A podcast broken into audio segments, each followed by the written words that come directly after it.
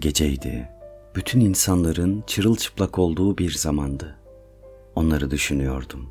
Gümüş tepsilerdeki kristal kadehlerden zamanı yudumlayan insanları düşünüyordum. İrili ufaklı aynaların karşısında enseleri bembeyaz kadınlar boyanıyordu. Uzun uzun parmakları vardı kadınların. Öpülmeye alışmış dolgun dudakları vardı. Kocaman kocamandı kalçaları. O kadınları düşünüyordum. Bir kurt bir geyiği kovalıyordu yüreğimde. Geyik soluk soluğaydı. Yorgundu, bitkindi. Karların üzerinde akıp giden bir yıldız gibiydi, koşuyordu. Koşmak kurtuluş değildi belki ama bir ümitti. Koşmalıydı. Oysa birer namlu ağzıydı kurdun gözleri. Avına güvenle, şehvetle yaklaşıyordu. Yeni bilenmiş, sedef saplı bıçaklara benziyordu dişleri. Bütün dileği et ve kandı. İstese geyiğe hemen yetişebilirdi.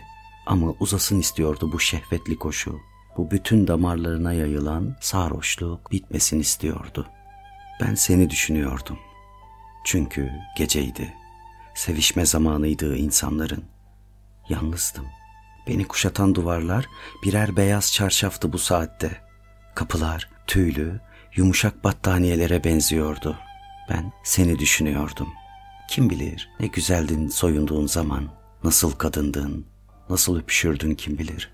Nasıl kadın kadın kokardı her yerin. Tutup avuçlarıma sığdırıyordum seni. Gözlerime, dudaklarıma sığdırıyordum. Sensiz kahrolmak vardı. Seninle yaşamak vardı dolu dizgin.